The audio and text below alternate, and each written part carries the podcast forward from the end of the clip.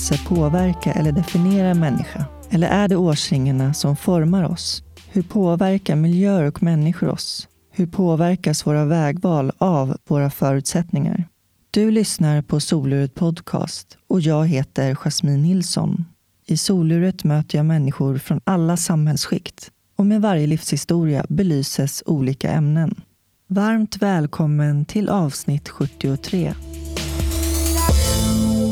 Soluret spelas in i Kulturhuset Dieselverkstan i Stockholm och huvudsamarbetspartner är det internationella hjälpmedelsföretaget Invacare. Idag får ni möta Petra Jeppinen. Vid 11 års ålder fick Petra en frälsningsupplevelse, vilket gjorde att hon blev kristen. Senare kom Petra till insikt med att hon gillade kvinnor och lämnade därmed den kristna gemenskapen, då många ansåg att homosexualitet var en sjukdom.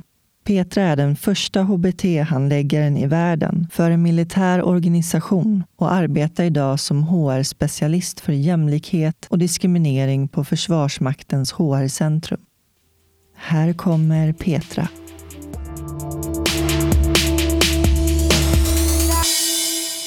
Nu har du koll på läget. Ja, precis. Jag behöver Du- som sagt lite, Du har kontroll. lite förberedelse. Ja, nej, det har jag inte. Det är lite ovant faktiskt. Bara släppa kontrollen helt och hållet. Hänge dig. Ja, annars är jag nog lite control freak. Vill nog gärna veta vad jag har, grejerna och vad jag ska göra och så. Jag förstår. Mm. Hur känner du? Ska vi köra igång? Ja, absolut. Ja. Shoot.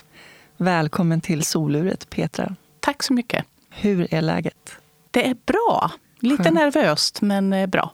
Ja, lite ovan situation för dig det här. Ja, det är det. Samtidigt så har jag funderat och jag tänker att det är en förmån också att få prata om sig själv på det här sättet. Mm. Alla människor har ju en historia. Mm. Sen kanske inte alla får möjlighet att dela den. Eller kanske inte finns någon som vill lyssna på alla. Men alla har en berättelse. Precis. Ja, för du har ju inte pratat om din bakgrund så mycket. Nej, du, så, att, Det eh, har jag faktiskt inte gjort. Så det är en ära för mig att du vill göra det i soluret. Oh, tack. Kan du berätta vad du gör för någonting? Vad jobbar du med? Jag jobbar inom Försvarsmakten som eh, HR-specialist, kallas det. Med fokus just då på jämlikhet och jämställdhetsfrågor. Eh, Så jag jobbar mycket utifrån diskrimineringslagen, att stötta våra chefer internt i organisationen men även med utbildningsinsatser och eh, samverkan mot, med andra myndigheter i vissa sammanhang. Men jobba för att ja, Försvarsmakten ska bli en mer inkluderande organisation och att vi då ska kunna minska andelen vad vi då kallar för ovälkommet beteende bland personalen. Jag läste att eh, du var den första personen på den positionen. Stämmer det? Jag började i Försvarsmakten 2008 och då började jag som HBT-handläggare och jobbade specifikt då med HBT-frågor. Och då var jag världens första och enda person som jobbade med HBT-frågor i en försvarsorganisation. Eh, jag vet inte hur det ser ut idag. Det har ju skett en ganska stor utveckling i vissa länder, framförallt allt ja, Kanada, Storbritannien, Nya Zeeland, Australien och så. Eh, men jag vet inte exakt hur de liksom löser uppgifterna internt. Men, så då, så då var det ganska... Eh, det, det väckte en del uppmärksamhet, eh, framförallt då kanske internt i Sverige i media, men även till Finland nådde faktiskt den nyheten. Ja, häftigt. Ja, det var ganska coolt. Berätta vart eh, du kommer ifrån. Jag är född och uppvuxen i Borås på 70-talet i Västra Götaland. Har finskt ursprung. Mina föräldrar kom då till Sverige som arbetskraftsinvandrare i slutet på 70-talet och träffades i Borås eh, när de båda jobbade inom textilindustrin. Och några år senare, eller något år senare, kom min syster och sen i ganska snabb takt efter det föddes jag. Båda mina föräldrar är ju födda precis i efterkrigstiden. Det var ganska fattigt i Finland. Möjligheterna var inte lika många som i Sverige. Eh, Så de kom till Sverige då för att jobba i textilindustrin då i Borås. Men sen har ju båda mina föräldrar eh, vidareutbildat sig och gått vidare från det när de väl eh, kom hit. Och det hade ju också att göra med att utbildning var mycket mer tillgänglig i Sverige och kostade ingenting. Så jag vet, min mamma läste ju in komvux och sen eh, undersköterskeutbildning och sjuksköterskeutbildning under den tiden som vi var små, då, jag och min syster. Och pappa skolade om sig till svetsare och jobbade mycket i Norge, bland annat. Pratar ni finska hemma? Ja, det gjorde vi faktiskt när vi växte upp. Eh, sen separerade ju mina föräldrar när jag var nio, tror jag. Så då, då blev det lite mer blandat. Men finskan har ju alltid följt med. Sen önskar jag kanske att den var mer flytande än vad den är. Att jag hade en större förståelse och ett större ordförråd. Men visst, det, språket är ju superviktigt för eh, identiteten och jag känner mig ju i mångt och mycket fortfarande som finsk. Särskilt efter jag då träffade min partner som också har ett finskt ursprung som är väldigt likt mitt på många sätt. Och att vi, har, vi hittade en väldigt stark koppling till varandra just i, i det finska språket men också i den finska kulturen. För jag tänker att i Sverige så tror jag att man ofta har uppfattningen att finnar och svenskar är ganska lika. Och det är vi ju säkert på många sätt. Men det finns ju också saker som särskiljer. Som är viktiga för liksom identitetsutvecklingen helt enkelt. Vad skulle du säga är den starkaste skillnaden? För det första skulle jag nog vilja lyfta historien. Alltså att Finland som har ju varit ockuperat av Ryssland har tillhört Sverige så att man har fått jobba väldigt hårt för den egna identiteten.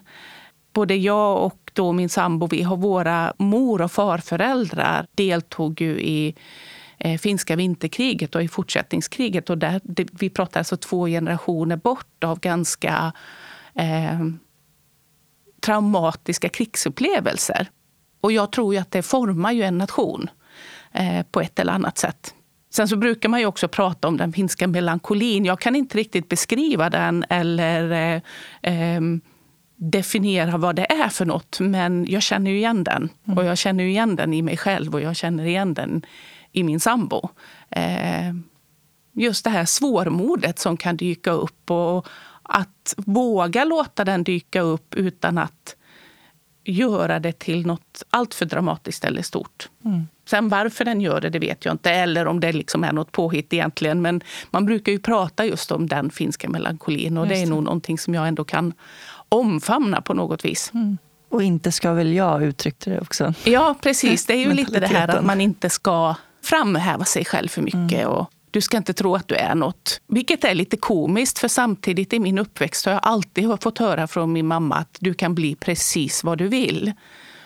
Um, så det kanske låter lite paradoxalt på något vis, men, men att, att det finns där.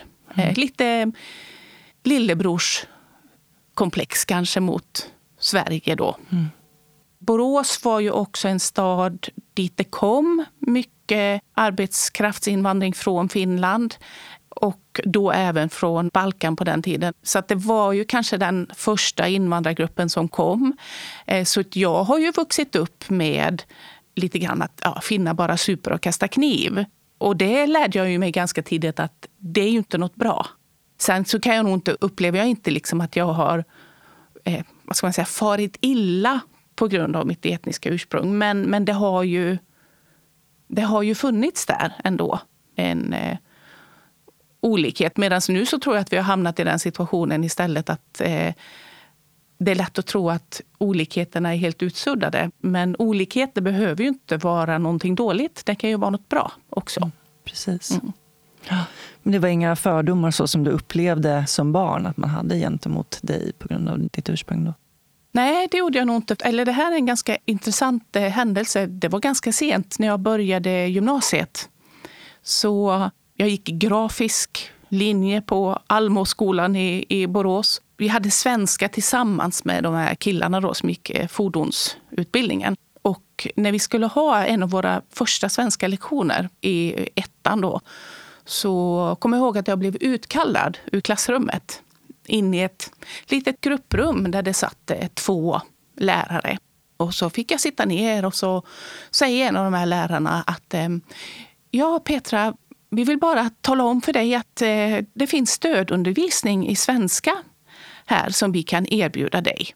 Och jag tittade nog på dem lite förvånat och sa att nej tack, jag behöver ingen stödundervisning i svenska.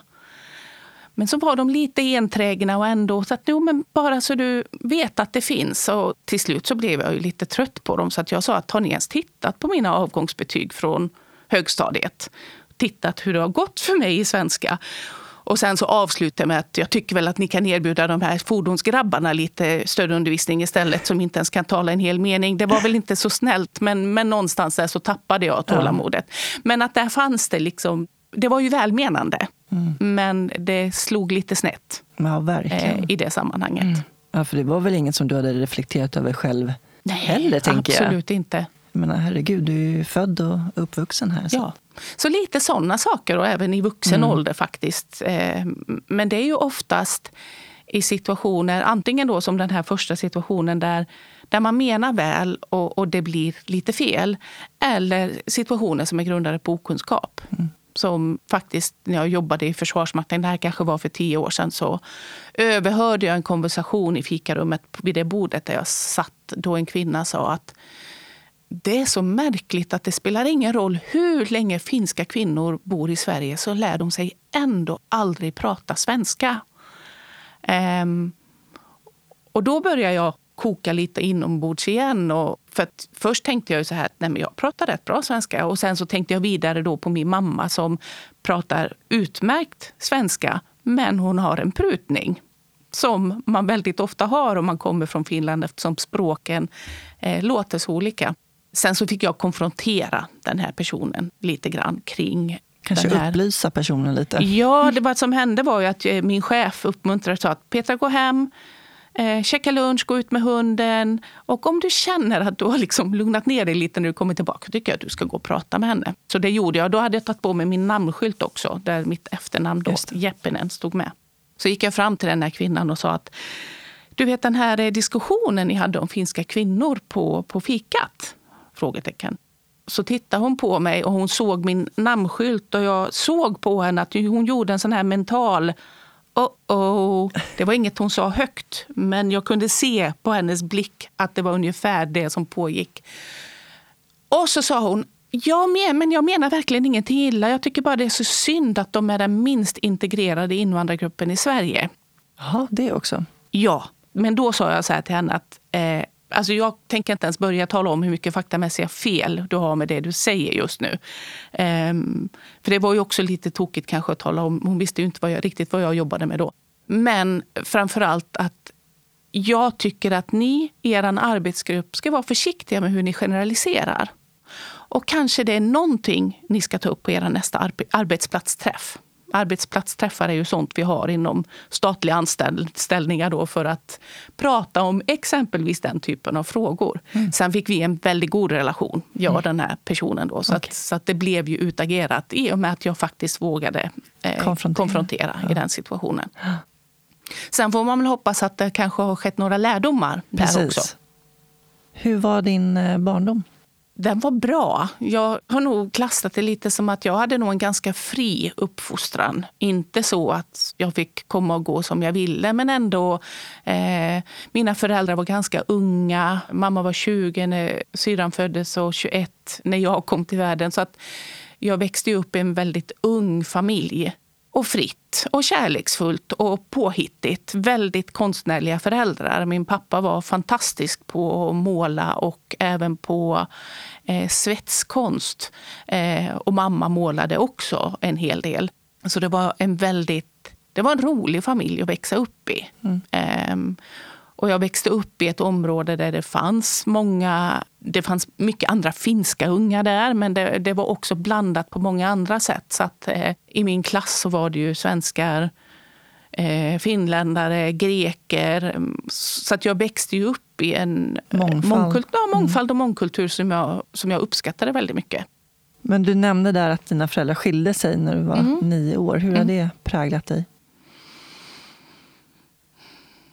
Det har väl nog präglat mig på det sättet att, att jag blev självständig ganska tidigt. För det blev ju då eh, mamma som tog hand om oss. Och eh, hon har ju i väldigt stor utsträckning, hon är en väldigt stark person som, som tar sig igenom saker. motgångar kan man ha, men, men det är inte någonting som har brutit ner henne utan det är någonting som gjort att hon har vuxit, som jag ser det. Så hon är, hon är, liksom, hon är en kapabel person som löser problem. Och det tar jag väl med mig i stor utsträckning. Att jag har blivit självständig och eh, lösningsfokuserad. Och att lite det här att trillar du så... Ja, det får göra ont, men res på det igen.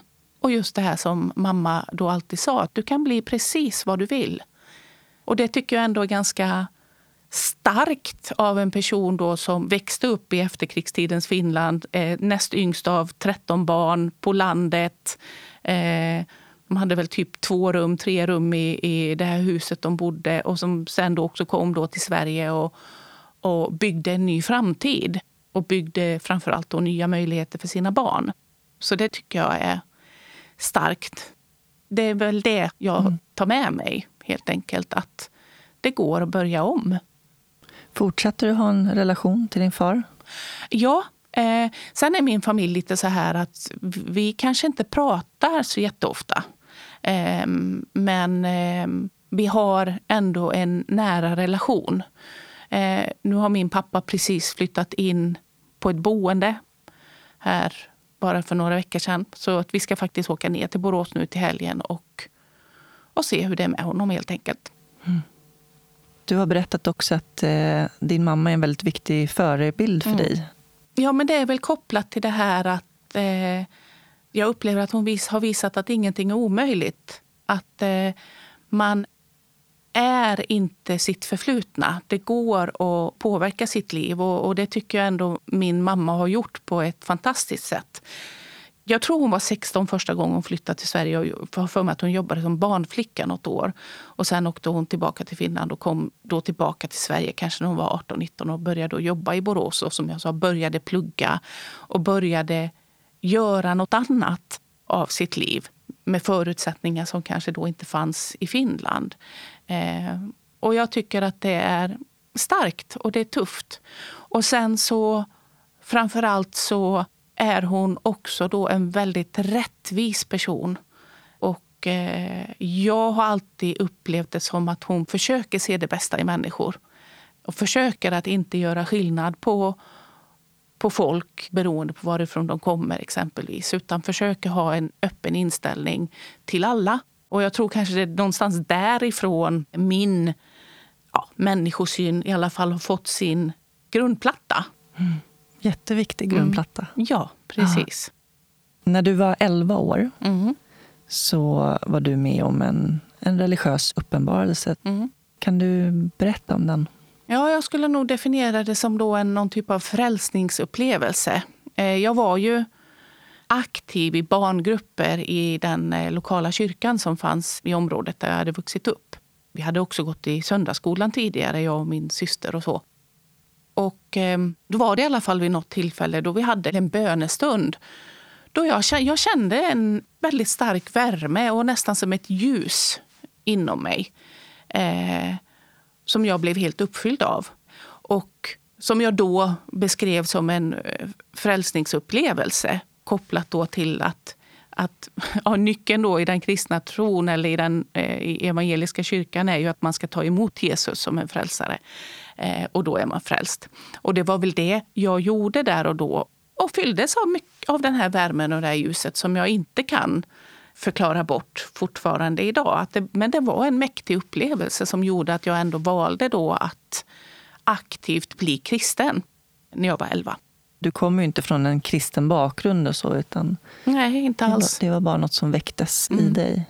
Det var det. Det är ju väldigt ung ålder också, bara 11 år. Och liksom, ja. Kunde du förstå då vad du hade upplevt? Kunde... Nej, alltså jag förstod väl det utifrån en 11-årings perspektiv. Men jag tänker också att eh, eh, alltså som barn tar man kanske saker lite mer som de är. Att det var inte så viktigt att kunna förklara det. Utan det viktiga var att det här är någonting jag upplevt som jag ändå kände var, var viktigt för mig. Sen uppmuntrades jag ju också mycket av eh, de här ledarna i, i kyrkan att också prata om den här upplevelsen och att det fick liksom bli någonting naturligt att dela med sig av. Berättar du för din mamma? Det kommer jag faktiskt inte ihåg. Men jag blev ju väldigt aktiv i kyrkan efter det. Så att, eh, jag vet inte om jag berättade där och då att nu har jag blivit kristen. Eh, men någon gång under resans gång så, så har det ju ändå framkommit. Hur pass aktiv blev du sen då? Jag blev faktiskt jätteaktiv. Kanske inte de första åren när jag liksom fortfarande var så pass liten. Men i tonåren så blev jag väldigt aktiv i, som ledare i barngrupper och, eh, men även olika ungdomsaktiviteter som, som pågick. Och så fort jag egentligen då var tillräckligt gammal så började jag också åka ut som på missionsresor i Östeuropa. Min första var jag på när jag var 18, tror jag. Då var jag fyra veckor i Rumänien en sommar som missionär. Jag har ju också jobbat heltid som missionär i några år. Vad gör man som missionär? Det kan ju vara lite olika saker. Men det jag gjorde var att jag eh, jobbade för en organisation som designade och översatte kristen litteratur till eh, de olika språken då i gamla östblocket. Och sen tryckte de eh, böckerna och så distribuerade vi dem till olika kyrkor då, i Rumänien, Bulgarien, Ryssland, Ukraina och så vidare. Så det var ju det jag gjorde. Sen kan man göra olika saker. Och det har jag ju också gjort. Evangeliserat, alltså aktivt då söka upp människor för att berätta för dem om den kristna tron.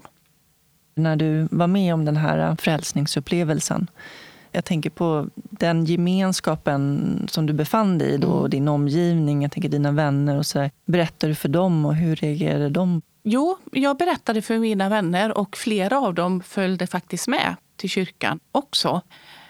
Men jag tänker att återigen som barn, man är ju den man är. Det blir ju liksom inte en radikal förändring. Jag var en tänkande, glad unge som gillade att vara ute. Och det förändrades ju inte bara för att jag hade en frälsningsupplevelse.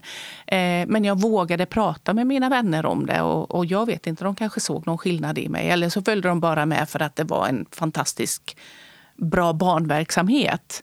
Men vi var ett gäng från liksom, mitt barndomsgäng som var med då i kyrkan i några år efter mm. det.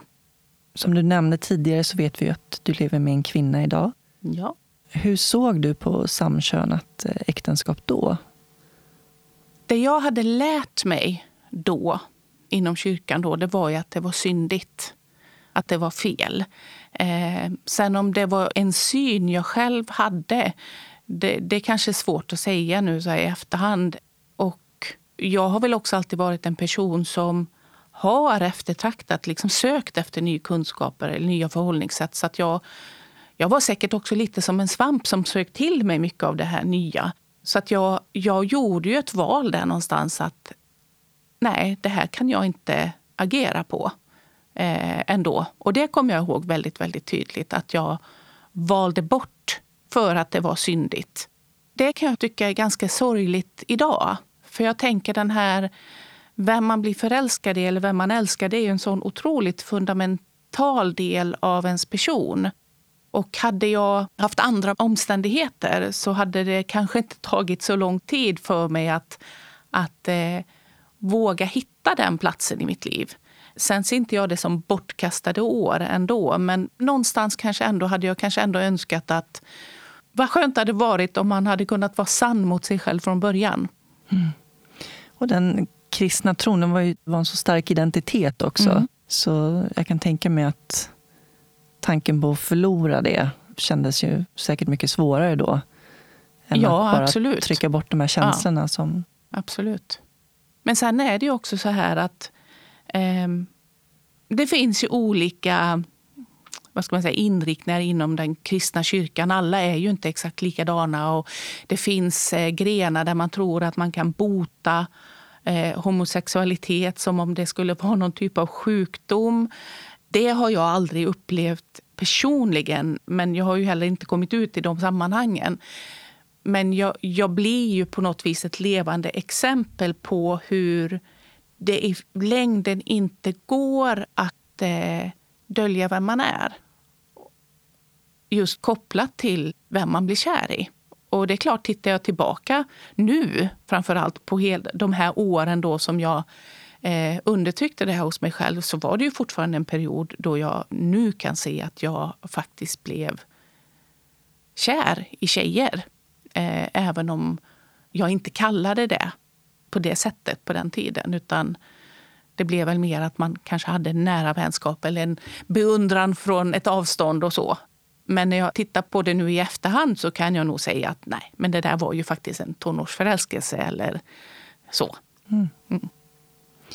Vad betydde tron för dig? Eh, min tro var jätteviktig för mig just kopplat till det här att känna en trygghet. Jag kände ju inte otrygghet innan det, men trygghet och gemenskap. Eh, känna att man hörde hemma någonstans. Samtidigt som det också nu i efterhand kan då paras med att jag kände att jag aldrig riktigt platsade i den miljön. Det har jag kanske nu då i efterhand förstått att det berodde ju bland annat på att eh, vem jag blev förälskad i var inte acceptabelt. Jag jobbade några år och sen jobbade jag som, var jag iväg som missionär. Så efter det, jag var väl kanske 24-25 när jag bestämde mig för att börja eh, plugga teologi och bibelkunskap. Och psykoterapi faktiskt.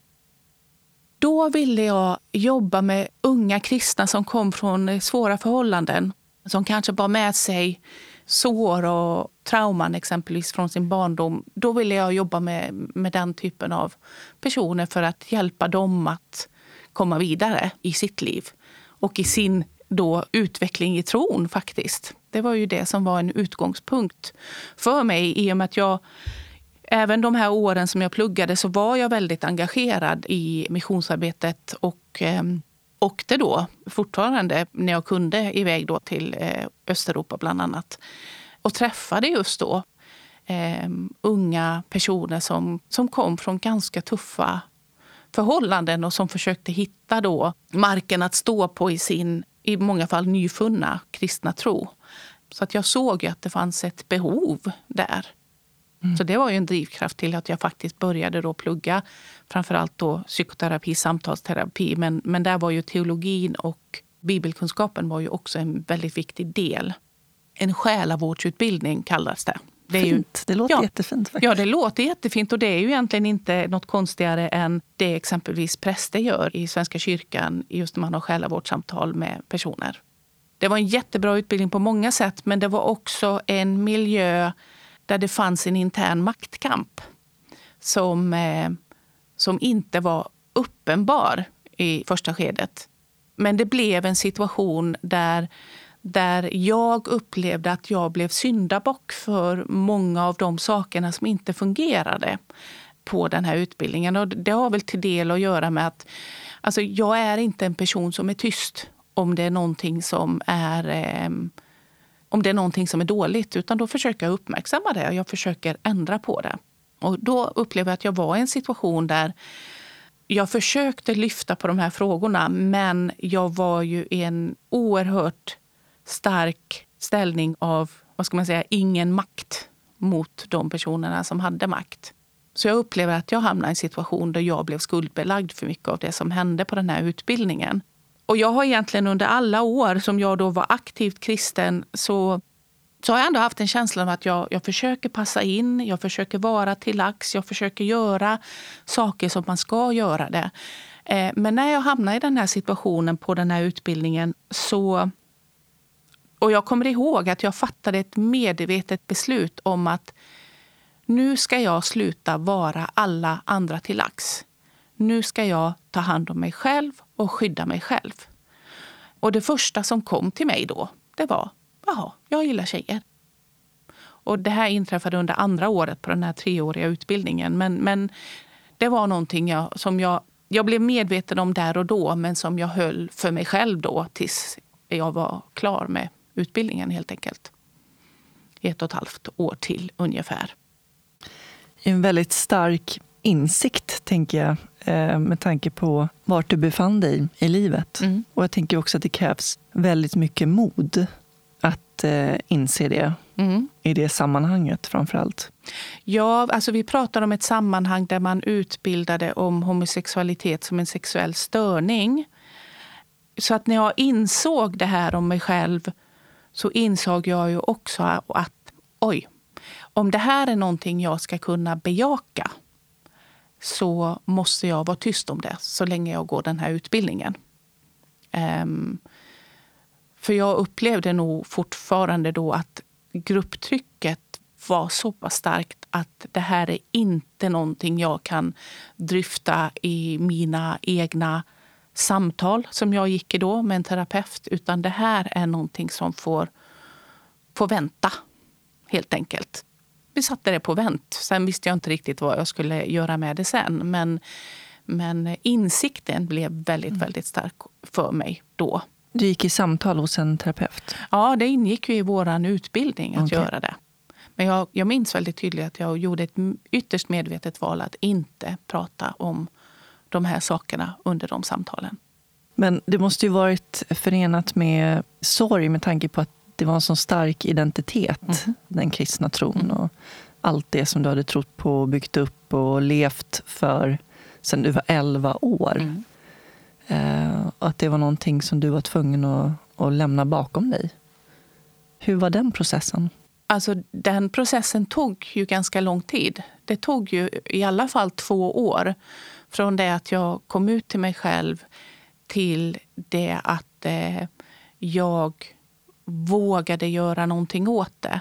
När jag var klar med min utbildning så började jag jobba igen med samma missionsorganisation som jag hade jobbat med tidigare. Så att jag gick in i ett missionsarbete 100 procent fast jag visste att, att det här kanske inte riktigt är kompatibelt med, med, med den jag känner att jag är inombords. Men det var en, som du säger, mycket, en jättestark gemenskap. Min identitet var väldigt starkt knuten till den kristna tron. Så det var ju inte någonting som jag gav upp lätt. När jag väl tog det steget så blev det ju också som att börja om. Att det blev som att förlora en, en familj. Ehm, och att nästan då bli, bli ensam kvar. Ehm, med allt det här nya som jag inte riktigt hade förmågan eller att förhålla mig till. I och med att jag hade levt, levt som aktiv kristen också så, så var jag, jag var ju oskuld fram tills dess att jag kom ut och, och träffade min första tjej. Um, Hur gammal var du då? Ja, men jag var nog 27. Så att, och att då komma från den här kristna världen och helt in i den här då hbt hbtq-världen, det var ju som att eh, byta planet på ett sätt. Men det är ju ingenting jag ångrar. Men som sagt, det var förenat med mycket förlust och mycket sorg. Eh, men det, genom allt det här så var det ändå en sak som var viktigare för mig och som på något vis blev eh, min ledstjärna genom allt det där. För det som jag alltid har tagit med mig från början, från när jag var 11 och då blev frälst, så har det alltid varit viktigt för mig att vara sann.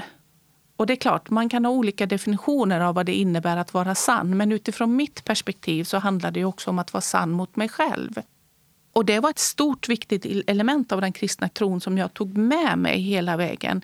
Så att jag förändrar ju inte den delen av mig själv när jag kom ut. Utan det handlade ju fortfarande om att det är viktigt att jag är sann.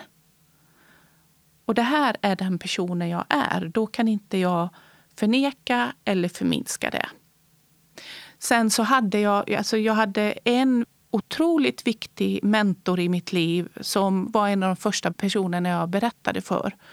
Och Det var väldigt sorgligt. Och hon, hon sa då till mig att Petra, jag kan tyvärr inte säga att jag önskar att du träffar någon som du kan älska. För att jag tycker det du gör är fel och det är synd.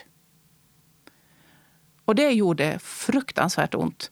Ehm, och det var ju lite den typen av bemötande eh, som jag fick. Jag hade en annan god vän som sa att, tyckte att det hade varit fel av mig att ta församlingens pengar och åka ut som missionär när jag nu kom ut. jag, men det visste jag ju inte då. Eh, Sen har jag också flera vänner från den tiden som, som också stöttar mig helhjärtat. Så det är ju inte bara dåligt. Men, men det är klart, sånt sätter ju, sätter ju taggar och orsakar en ganska stor sorg. Nu blir jag lite rörd. Mm. Um, men som sagt, det här är inte så mycket, sånt som jag så mycket har pratat om. Men jag känner någonstans att, att eh, om det kan hitta någon om det, eller om det kan hjälpa någon liksom att hitta sin plats i, i livet.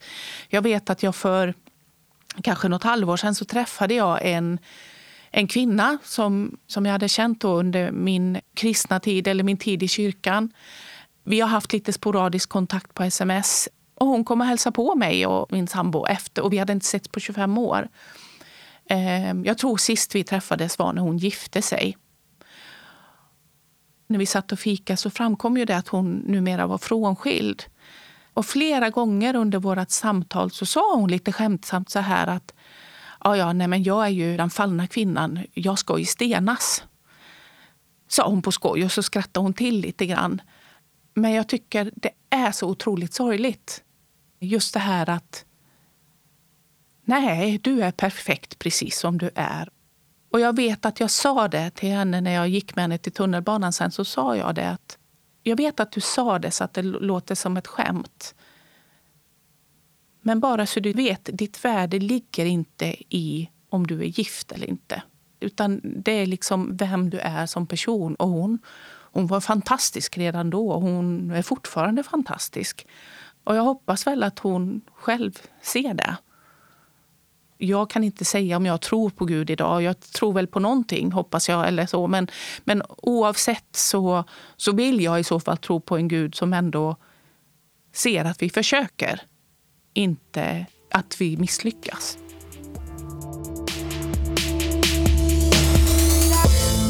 Nu tar vi en kort paus och ringer upp min samarbetspartner Invacare.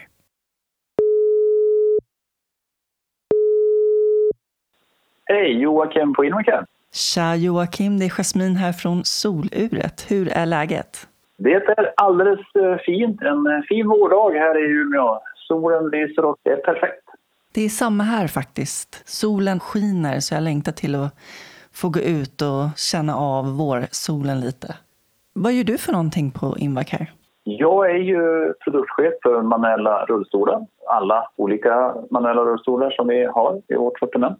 Hur har det varit nu under coronatider för dig? Som för alla. Det är lite annorlunda, men det har gått alldeles utmärkt. Vi, har ju, vi får ju förändra oss och jobba på lite annat sätt. Så att eh, det har ju blivit mera digitala möten och event. Eller enbart för min del digitala möten och event, ja. Ja, och ni hade nyligen eh, en uppskattad mässa. Det stämmer. En digital mässa hade vi tidigare här för några veckor sedan som var väldigt uppskattad och välbesökt. Där vi hade alla våra produkter nu har vi ju inte bara de här stora eventen som en mässa utan det har ju varit ännu mer lokala möten med kunder i alla områden och stora välbesökta, lite mindre, men digitala möten och event som blivit det nya normala nästan i dessa tider. Det är också uppskattat för det har ju varit ett sätt att möta våra kunder med. Är det annorlunda? Ja. Blir det lika bra? Det tror jag, bara lite annorlunda. Det kommer nog bli mer av det. Ja, precis. Och hur ser det ut här framöver? I närmaste framtiden några digitala event som vi har som finns på vår hemsida där man kan anmäla sig som förskrivare och kostnadsfritt givetvis. Då. Det gäller mycket kring sittande, vikär, ryggdynor och uh, matrix i sittande där man kan anmäla sig och delta via Teams.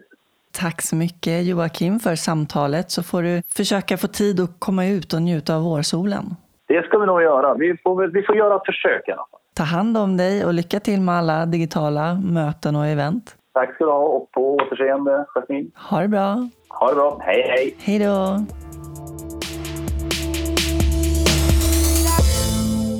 När jag då började komma ut mer aktivt för mig själv och började göra något åt det så handlade det var ju chattrum som gällde. Det var ju så, för jag visste ju inte var man träffade folk. RFSL visste jag knappt vad det var på den tiden. Och då träffade jag en tjej i Irland som jag blev kär i. Och eh, flyttade sen dit faktiskt då, måste ha varit år 2000.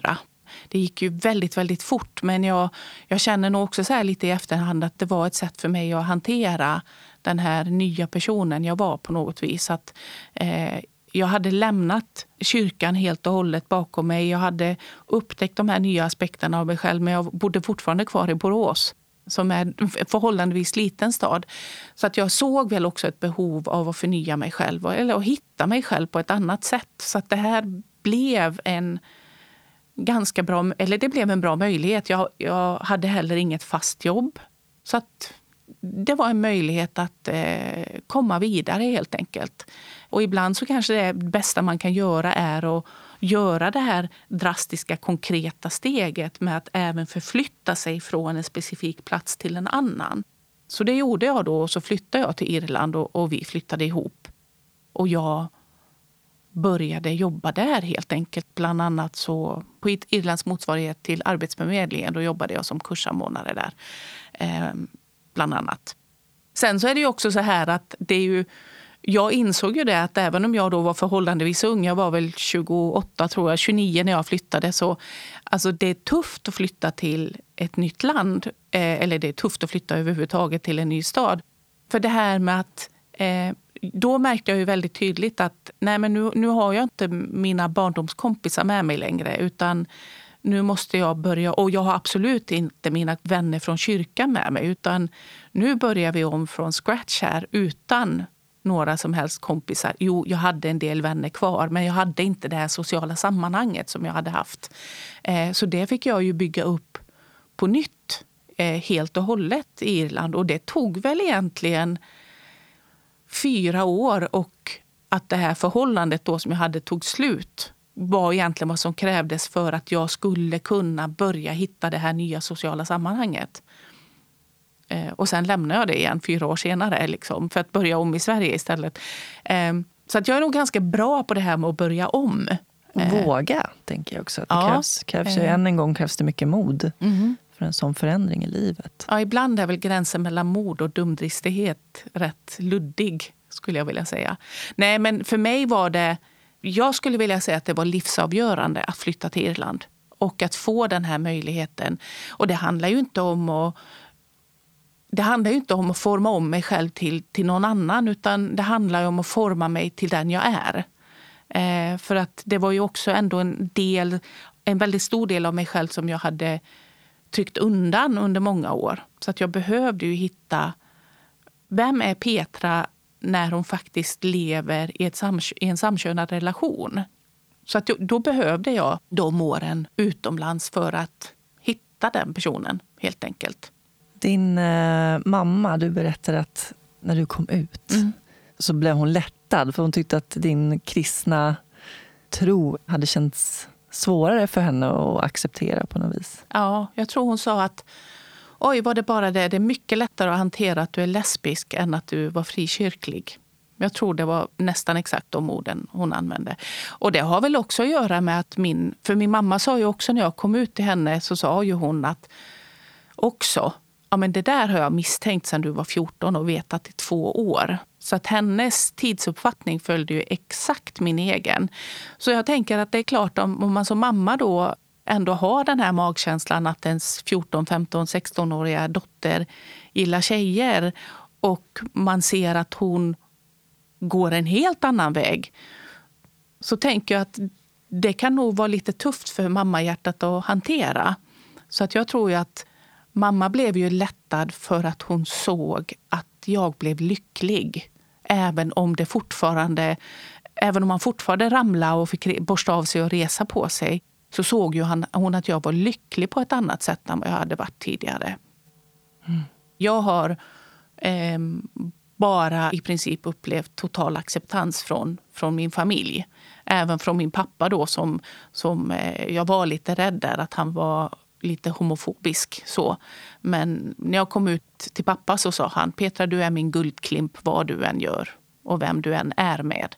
Så det blev ganska definitivt att nej men det här är okej. Det här är ingenting jag behöver oroa mig för min familj. Och någonstans blev det väl också det som var viktigt i det sammanhanget är ju att även om jag förlorade då så att säga min kristna familj så hade jag min riktiga familj kvar.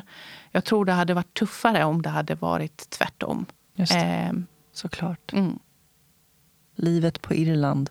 Där jag började jobba på ett HBT-center också mm. som jag förstod det som betydde mycket ja, för dig. det gjorde det verkligen.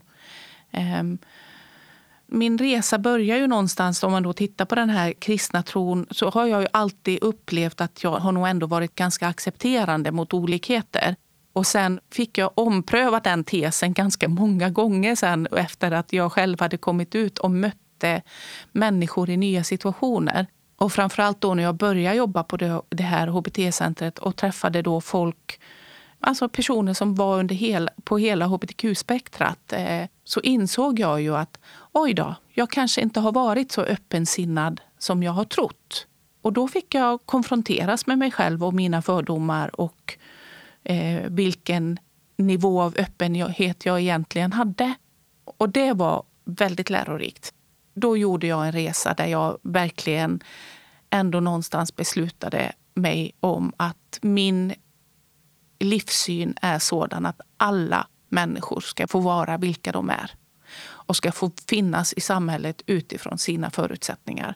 Och den resan gjorde jag mycket bland annat för att jag jobbade med och träffade eh, många transsexuella kvinnor i Irland som levde i ett sammanhang där det var ganska stigmatiserat fortfarande. Irland låg ju 10, 15, 20 år efter Sverige i vissa frågor. Och att få höra de här kvinnornas berättelser och vad den, den typen av upplevelser de har på gatorna, det gjorde att, att jag fick upp ögonen för, för vem jag vill vara i, i den typen av situationer.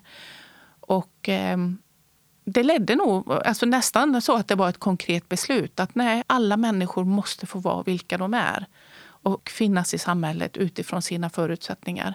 Och det gäller ju inte bara sexuell läggning och könsidentitet eller, eller hur man identifieras utifrån de spektrarna utan även när det kommer till tro.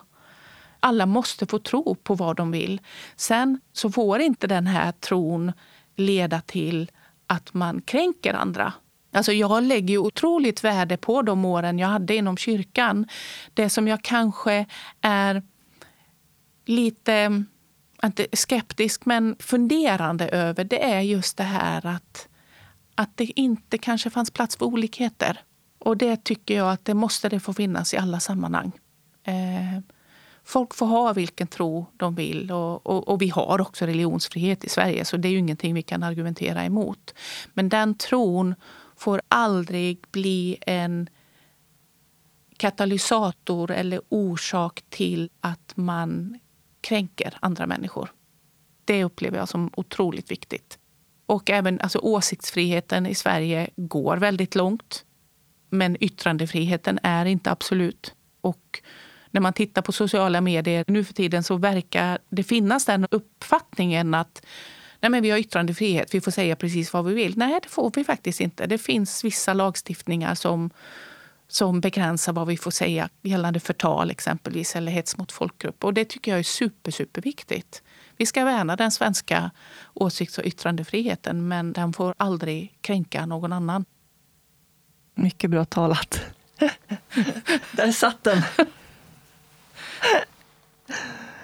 um, men um, sen blev det ju ytterligare en ny start. Och det ja. var när du flyttade tillbaka ja. till Sverige. Mm. Som också blev en stor omställning. Ja, det blev en väldigt stor omställning. När jag pratar om min barndom så beskriver jag ju mina föräldrar som arbetskraftsinvandrare och jag brukar beskriva mig själv som att jag var en arbetarklassinvandrarunge när jag var liten. Och sen när jag flyttade till Irland så gjorde jag per automatik en klassresa. Vi brukar ju prata om att det finns inget klassamhälle i Sverige. Nej, kanske inte så utpräglat, men i Irland var det ju ett väldigt tycker jag, tydligt klassamhälle. Men bara i och med att jag flyttade dit så hamnade jag i någon sorts medelklass som jag inte först kände mig riktigt bekväm med. Eh, för det blev så definierat, det blev så tydligt. Jag hade ju aldrig tänkt i de banorna eh, innan. Klasstillhörighet. Precis, och det tycker jag fortfarande är helt oviktigt egentligen. Men när jag flyttade tillbaka till Sverige, jag hade ju beslutat mig för att jag skulle flytta hem och blev tipsad om ett jobb. Och det var just det här jobbet då som hbt-handläggare på Försvarsmakten. Så jag sökte det jobbet, hörde ingenting förrän veckan innan jag skulle flytta. med hund och katt och allt vad det innebar. Jag flög till Sverige enkom för den intervjun. Och sen samma dag som jag flyttade hem då med allt, eller det lilla jag hade kvar av mitt bohag, så blev jag erbjuden tjänsten då på Försvarsmakten. Så jag började jobba där i april 2008 då ungefär. Fyra månader efter jag hade flyttat hem. Eh, men som sagt också en nystart. För då flyttade jag ju i princip direkt till Stockholm. Och jag har ju aldrig, hade ju aldrig bott i Stockholm innan det. Utan det var en omställning också. Men jag kände lite så här att men det här har jag gjort förr. Liksom. Så hur svårt ska det vara? Vad visste du om Försvarsmakten innan? Jag Eller visste nog ingenting Nej. egentligen. Jag vet att min pappa hade tjänstgjort som FN-soldat, som finsk soldat då i, på Sypen. Det var väl ungefär den relationen jag hade till Försvarsmakten. Men så skulle man ju då ta ett tag med det här med likabehandlingsarbetet. Och genom att vi, vi var fyra personer som anställdes och jag skulle då fokusera på hbt-frågor. Men jag kände lite så här också då att nej men hur svårt ska det vara? Jag har jobbat med de här frågorna i Irland som ändå liksom fortfarande då var ett ganska starkt katolskt samhälle. Eh, så jag kände mig nog ganska väl jag kände mig väl rustad, men jag var nog inte det. Hade jag vetat mer så hade jag kanske fegat ur. Men jag har ju aldrig ångrat det valet. Fantastiskt rolig organisation att jobba i med de här frågorna. Men det känns som att du på något sätt ja, men du, du fann din plats. Ja, det var det. Och jag upplevde också att eh, i och med att rollen var ny, eh, det hade inte funnits någon annan som hade haft den befattningen, som vi säger i Försvarsmakten, tidigare så upplevde jag också att det, det var en väldigt tillåtande atmosfär. Att eh, få lära sig vad vi ska fokusera på och vad vi ska jobba på. Och det coola är ju att en av de första sakerna jag fick liksom sätta tänderna i, om vi säger så, var ju att eh, Försvarsmaktens personal skulle få uniform i Prideparaden. Eh, så det var ju en av de uppgifterna jag satte igång med när jag började där. Och sommaren 2008 då, fyra månader efter jag hade börjat så, så gick vi i uniform för första gången. Så det är ju häftigt när det får såna konkreta resultat, det arbete man gör. Vad betyder det för dig? Synligheten betyder jättemycket. Att få synas. För att vår uppgift i Försvarsmakten är ju då att, det är ju att försvara landets gränser, vår demokrati och rätten att leva som vi själva väljer. Och just den, de här individuella friheterna vi har i Sverige och som i många andra sammanhang är helt unika. Eh, så är det ju också jätte, jätteviktigt att man ska få vara sig själv fullt ut på jobbet. Även då när det gäller exempelvis sexuell läggning. Sen är ju min sexuella läggning är ju inget kompetensområde som gör mig nödvändigtvis gör mig bättre på mitt jobb. Men det handlar om att kunna ha friheten att prata om vad gjorde jag och min sambo i helgen utan att det blir något konstigt jämfört med om vad en heterosexuell kollega skulle göra exempelvis. Du har en helt annan insikt och förståelse också. Precis. Som är viktig mm. och värdefull. När jag googlade lite kring det här med Prideparaden mm. och att Försvarsmakten fick delta i sina uniformer då såg jag ju mycket hat. Mm. Många negativa kommentarer. Mm. Man blir så ledsen av att se det. Mm. Vad tänker du om det? De negativa reaktionerna, hur förhåller man sig till det? Idag tänker jag tack och lov att jag har fantastiska kollegor som modererar våra, våra sociala medier. Nej, men I början, då, 2008 när jag började, så tyckte jag att det var väldigt jobbigt. och Jag fick även faktiskt anmäla vissa saker internt då till eh, vår säkerorganisation just för att en del saker som skrevs var ju nästan direkta hot mot mig som person och det var ju skitjobbigt. Men samtidigt så insåg jag ju då att oj vad viktigt det här är då om det ändå är så här folk reagerar. Sen är det också så att de som reagerar negativt fortfarande, det är en förhållandevis liten del mot alla som faktiskt reagerar eh, positivt. Och jag har själv valt det här min strategi är att helt enkelt inte gå in och svara i sociala medier. Och det har ju mer att göra med att jag har insett att det finns människor där ute som inte kan skilja min roll, Petra som privatperson, från min roll som statstjänsteman. Och då har jag valt mycket för min egen sinnesfrids skull att jag tar inte diskussionerna på på sociala medier. Jag har fantastiska kollegor som är superduktiga på de bitarna som kan göra det istället. Så att jag behöver inte. Det är jätteskönt. Mm. Du ska fokusera på ditt viktiga arbete. Ja. Men sen är det klart att när det kom den här typen av kommentarer som ja. då kanske var, var hotfulla. Det var ju inte trevligt direkt. Men jag har heller aldrig, jag har aldrig känt, mig, känt mig rädd i de sammanhangen. Men känslomässigt, hur hanterar du det? Um, nej men jag har nog bara liksom rest mig upp och gått vidare. Lite som vi varit inne på innan. Att, att, um, för det mesta är ju det som skrivs i de här sammanhangen tomma ord. Och jag får helt enkelt välja och ta det som det är. Mm. och att det är också så här att en del personer som... Jag har ju också lärt mig det att vissa personer som skriver att man skriver ju bara för att få en reaktion och inte, är egentligen inte intresserad av en konstruktiv de debatt. Jag är ju jätteintresserad av att diskutera den här typen med frågor, även med folk som inte tänker likadant. Om det finns ett genuint intresse för frågan. Eh, om det bara handlar om att man ska kasta skit, då, då lägger jag ner. Jag är för, för gammal, höll jag på att säga, för att ta den typen av strider idag. Mm, det gör rätt i det är lätt att glömma bort att vi exempelvis vi har en statlig värdegrund i Sverige som alla statsanställda ska känna till och leva efter. Och sen har vi också då Försvarsmaktens värdegrund med tre värdeord öppenhet, resultat, ansvar. Och jag vet att det pågår liksom en diskussion eh, också om att ja, men det här med värdegrunder, är det något att ha eller är det bara floskler? Men jag tror att någonstans så har i alla fall Försvarsmakten som organisation landat i att det är viktigt och att det är ett styrmedel för hur vi ska bete oss mot varandra och hur vi ska vara. Sen är det ju så att vi kan ju inte... Vi har ju pratat om det här redan, att vi har, vi har en åsiktsfrihet i Sverige så att vi kan inte säga åt en person vad den ska ha för värderingar. Däremot så kan man ju prata om hur vill vi att folk beter sig? Därför finns det också en uppförandekod i Försvarsmakten som är viktig och som jag tror är numera ganska väl förankrad. Och jag brinner ju ganska mycket för värdegrundsfrågor för att de ligger så nära det här med mänskliga rättigheter och att alla ska ha rätt att vara den de är. Så det ligger ju oerhört nära de bitarna. Och att kunna levande göra värdegrunden tror jag är en jätteviktig del för att kunna vara trovärdig som försvarsmakt den röda tråden genom ditt liv har ju varit den här starka gemenskapen och samhörighet. Mm. Ja, jag har fått eh, frågan ibland när folk har frågat vad jag har jobbat med och jag säger att jag har, jag har jobbat som missionär och sen har jag jobbat med hbt-frågor på Irland. Så att, oj då, men det var tvära hopp. Och, och framförallt då i sammanhanget med Försvarsmakten. Att, oj då, det var visst tvära kast. Men nej, jag tycker nog inte att kasten är så tvära ändå. För att alla de här tre områdena handlar om att man har en stark övertygelse för något. Antingen om det då är att man vill frälsa världen eller att man vill arbeta för att hbtq-personer ska få samma rättigheter. Eller att man eh, ska försvara Sveriges gränser ytterst med livet som insats. Det är tre ganska starka övertygelsefaktorer som är viktiga i de yrkena som jag har varit i.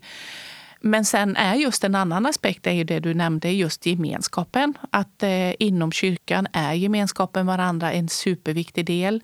Även inom hbtq-världen, särskilt när jag bodde på Irland och var del av en där ganska marginaliserad minoritetsgrupp, då blev ju gemenskapen och identiteten med varandra blev ju superviktig. Och samma sak ser man ju i Försvarsmakten, att där finns ju en mentalitet att vi lämnar ingen bakom oss.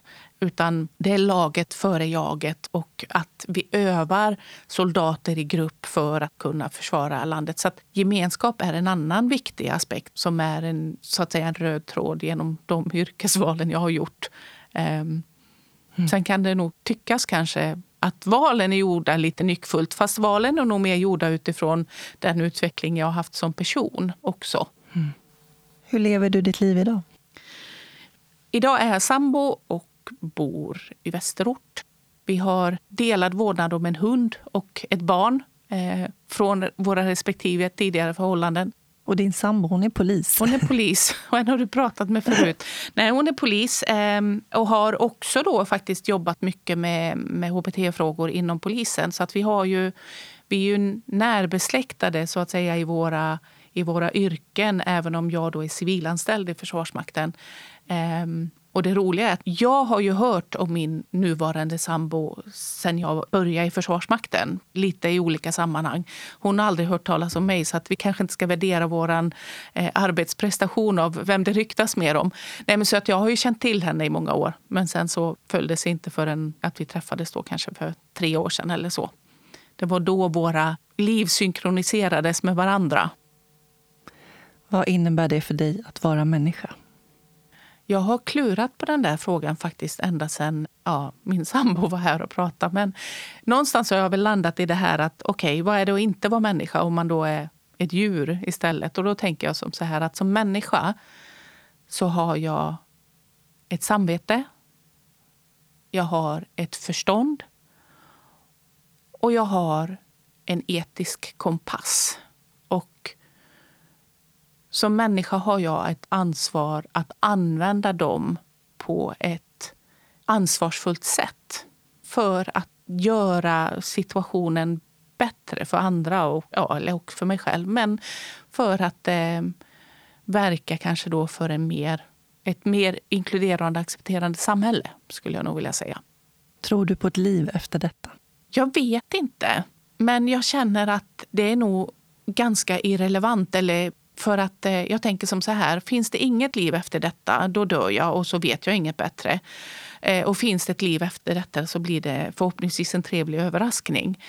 Men jag tror att det viktiga är vad vi gör med livet här och nu istället för att fokusera på vad som möjligtvis komma skall efteråt. Vad trodde du på innan som kristen? Jag trodde definitivt på ett himmel och ett helvete. Mm. Alltså jag har väldigt svårt att se att det skulle vara så enkelt. Jag vill fortfarande tro att det viktiga är vad vi gör med det livet vi har här och nu. Och jag har ju som sagt min tid då inom, inom kyrkan har jag träffat fantastiska människor som är fantastiska förebilder och, och några av dem har jag fortfarande kontakt med idag. Men jag har också träffat motsatsen. Och jag har lite svårt att då tänka att, ja, men att det här med himmel och helvete är bara avhängigt om man säger att man tror på Jesus. Utan jag skulle nog gärna i så fall vilja tro att det kanske var andra aspekter som spelade in. Men nej, jag tror nog inte på ett himmel och helvete på det sättet idag i alla mm. fall. Mm. Inte som en plats där det är fluffiga moln och eller ja, gator av guld och, och så, eller ett brinnande inferno. Nej, det tror jag inte på. När känner du dig fri? När jag är ute i skogen och plockar svamp. Som sambon? Ja, fast jag är nog ännu värre. Jag, till med för 2017 var det nog var det så mycket svamp att jag fick till slut plocka svamp i skenet av eh, blixten på mobiltelefonen. Och så var det becksvart när jag gick eh, hem då. På... Nej, men det är en jätteviktig frihetskänsla för mig att kunna komma ut och vara själv. Eller vara i tystnad åtminstone, om jag inte kan få vara själv. När känner du dig sårbar? Det är nog i situationer då jag känner att jag måste kompromissa med mig själv. När jag känner att jag inte kan eller får vara sann. Eller att jag känner att jag tvingas in i situationer som jag inte känner mig bekväm med. Vad drömmer du om? Just nu drömmer jag nog faktiskt om att corona ska ta slut så att vi får åka till Finland. Vi har pratat länge om att vi vill göra en roadtrip och hälsa på mina då respektive min sambos släktingar eller föräldrars barndomshem och sådana saker. Men det har ju hamnat lite så på...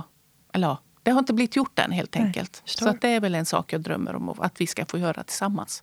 Men det var jättetufft. Exempelvis i höstas så gick min eh, favoritmoster mm. bort, mm. Laila. Ah, okay. ehm, och alla sa alltid att jag är så lik henne. Det vet jag inte. Men, men eh, en person som jag eh, tyckte otroligt mycket om.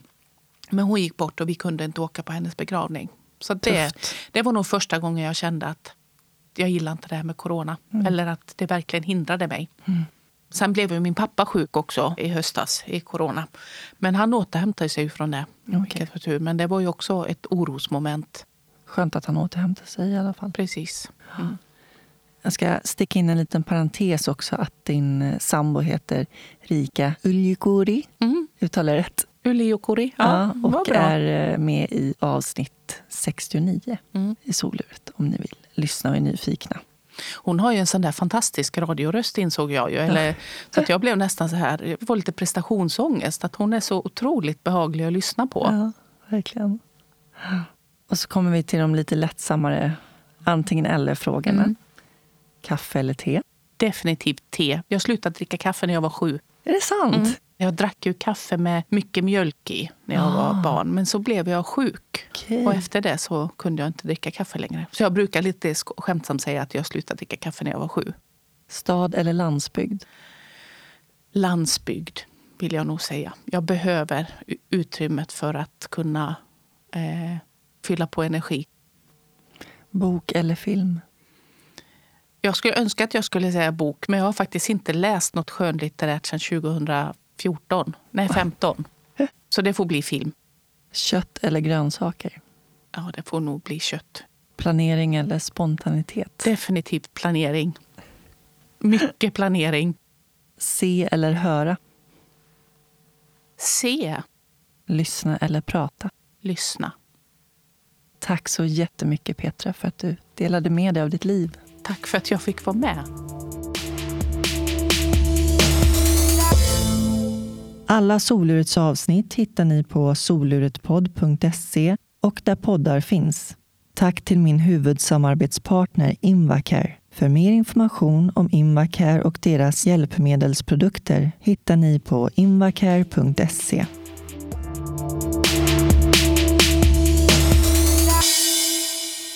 I nästa avsnitt får ni möta Lars Karlström. Lars vaknade en dag med stela, verkande knän. Då var han sex år gammal och det visade sig vara barnreumatism som gradvis började försämra synen tills han 20 år senare var blind. Lars har lärt sig att utmana de inre, yttre och sociala barriärer som står mellan honom och hans drömmar. Det har bland annat resulterat i en australiensk universitetsexamen i psykologisk rådgivning vid University of the Sunshine Coast. Tack för att ni lyssnade och ta hand om varandra där ute. Puss och kram. Hej då!